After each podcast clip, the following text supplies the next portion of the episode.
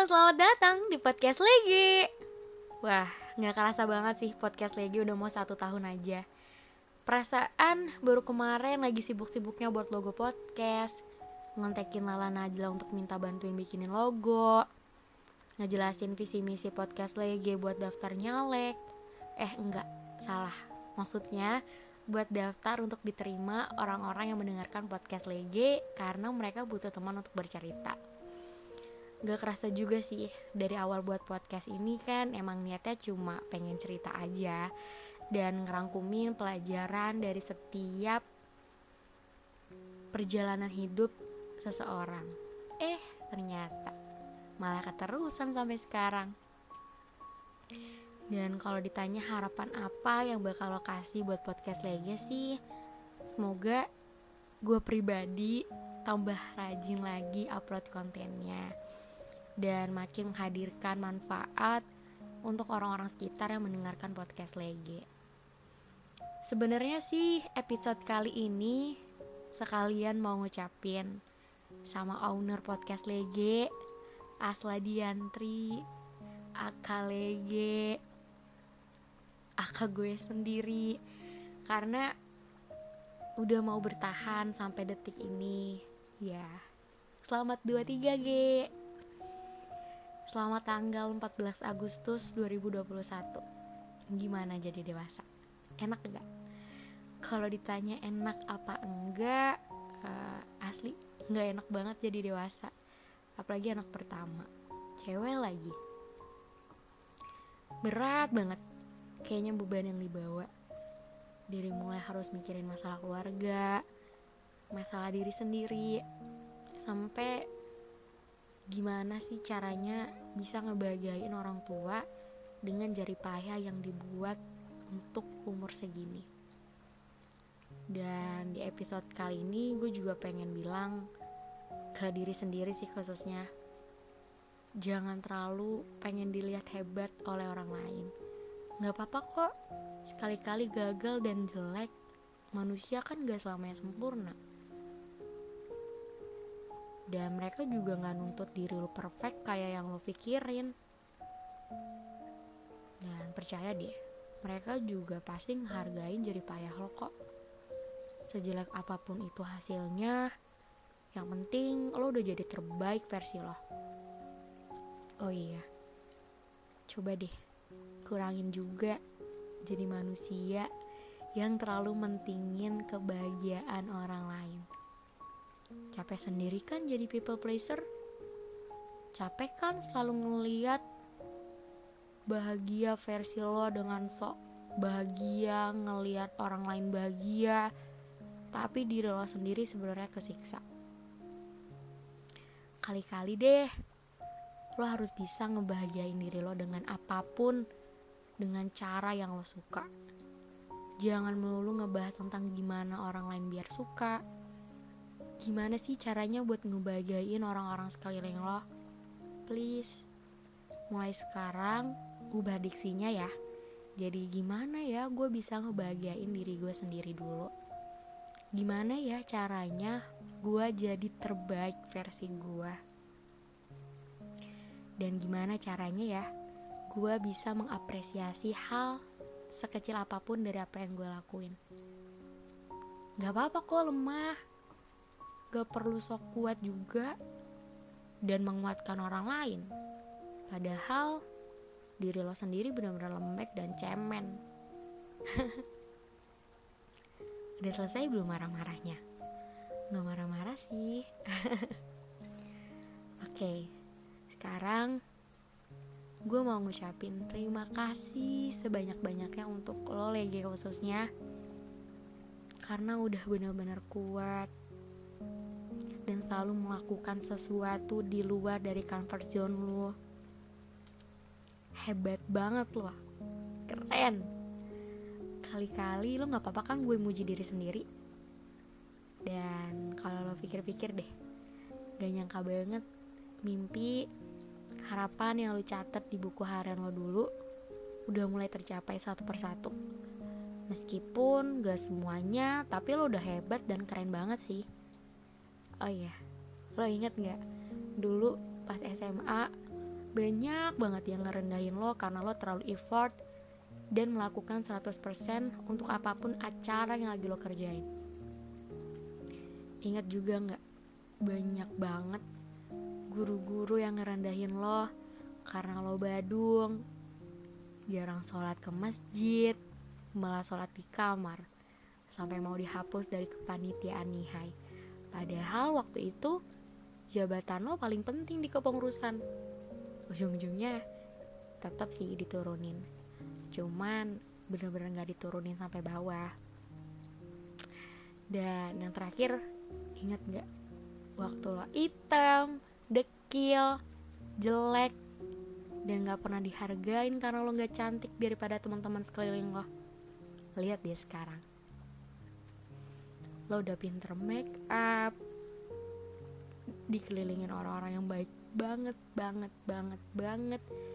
Sampai lo bingung kan mau balas mereka kayak gimana. Dan sekarang banyak banget yang iri atas keberhasilan yang lo punya. Tapi ingat, di atas langit masih ada langit. Makin tinggi padi, jangan lupa makin merunduk ya. Semuanya cuma titipan. Jangan pernah sombong sama siapa pun itu. Kalau suatu saat nanti lo jadi orang dan mimpi-mimpi lo kecapai, balas kebaikan orang tua lo. Balas orang-orang yang selalu ada 24 per 7 buat lo. Tetap jadi lagi yang orang-orang lain kenal. Please, jangan pernah berubah sedikit pun. Tetap belajar dari siapa pun, kapan pun, dan di mana pun. Karena lo dapet ilmu bukan dari sekolah doang. Bisa dari orang, buku, dan mungkin dari lingkungan sekitar lo. Semoga tambah dewasa ya. Dan selalu berguna juga bermanfaat untuk orang sekitar ya, G. Sekali lagi, selamat 23, G bahagia, dan sehat selalu ya. Udah ah, sampai berjumpa di episode selanjutnya. Halo, selamat datang di podcast Legi. Gak kerasa banget ya, bulan Agustus sudah berakhir aja. Dan selamat datang September. Hmm, dua bulan kemarin khususnya bulan Juli, gue nobatkan sebagai bulan yang amat sangat kacau. Gimana enggak? Mungkin kalian juga sadar dan ngerasain sendiri betapa lamanya bulan Juli dan betapa cepatnya bulan Agustus di tahun 2021. Dan bulan Juli kemarin pun banyak banget kejadian yang bikin gue emes. Dari mulai kasus covid masih naik turun sampai sanak keluarga gue satu persatu meninggal juga sakit.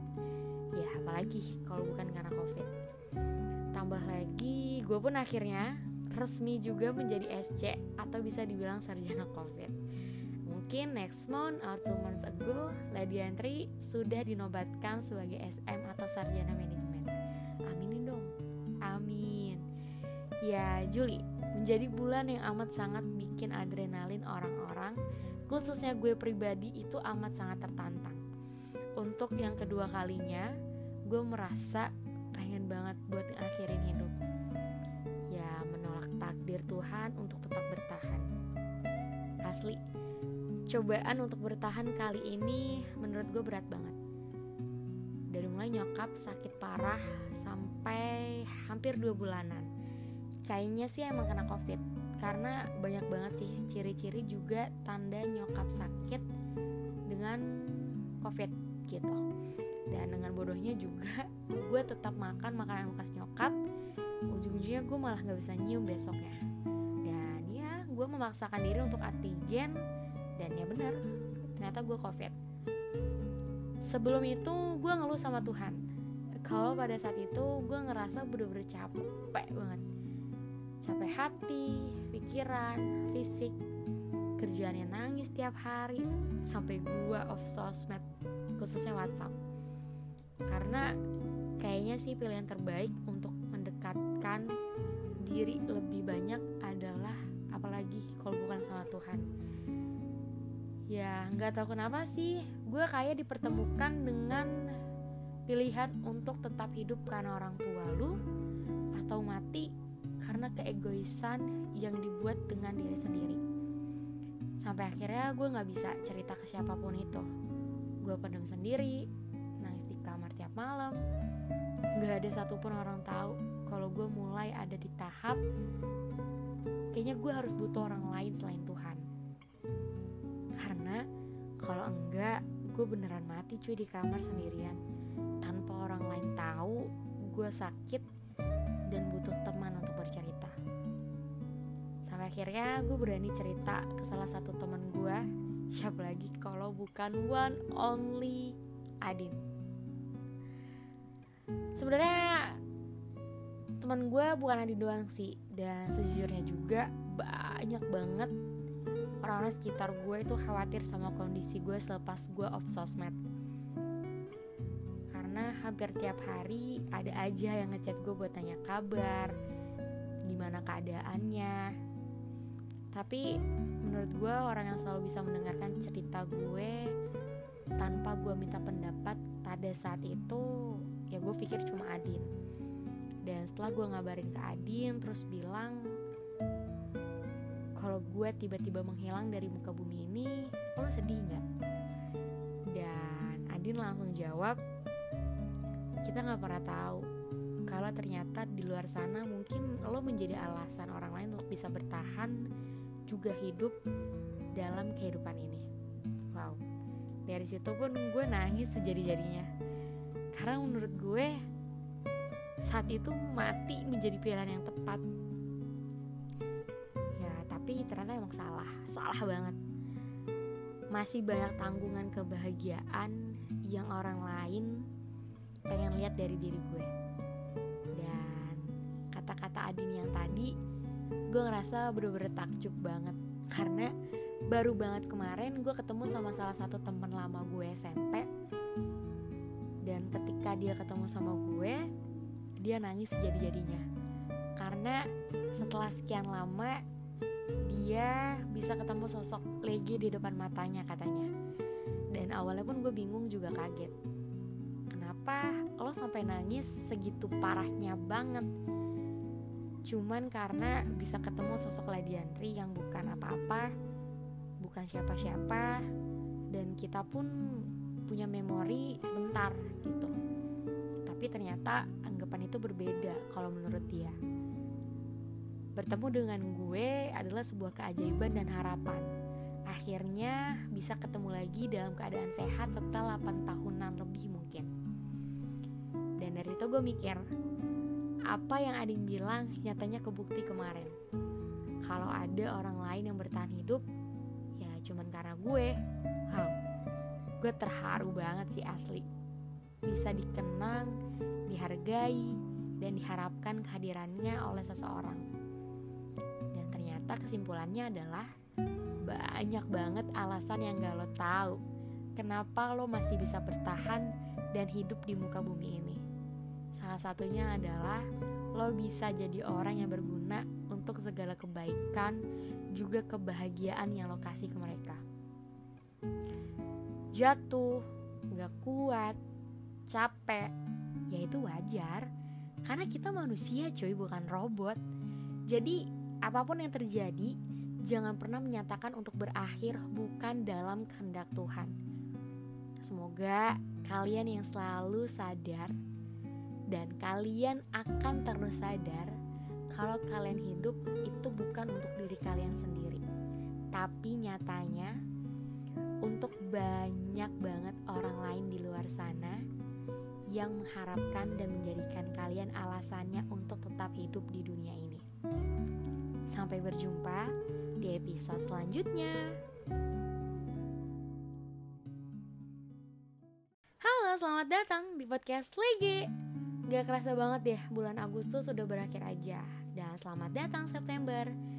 Hmm, dua bulan kemarin, khususnya bulan Juli, gue nobatkan sebagai bulan yang amat sangat kacau. Gimana enggak? Mungkin kalian juga sadar dan ngerasain sendiri betapa lamanya bulan Juli dan betapa cepatnya bulan Agustus di tahun 2021. Dan bulan Juli kemarin pun banyak banget kejadian yang bikin gue emes dari mulai kasus covid masih naik turun sampai sanak keluarga gue satu persatu meninggal juga sakit. Ya apalagi kalau bukan karena covid.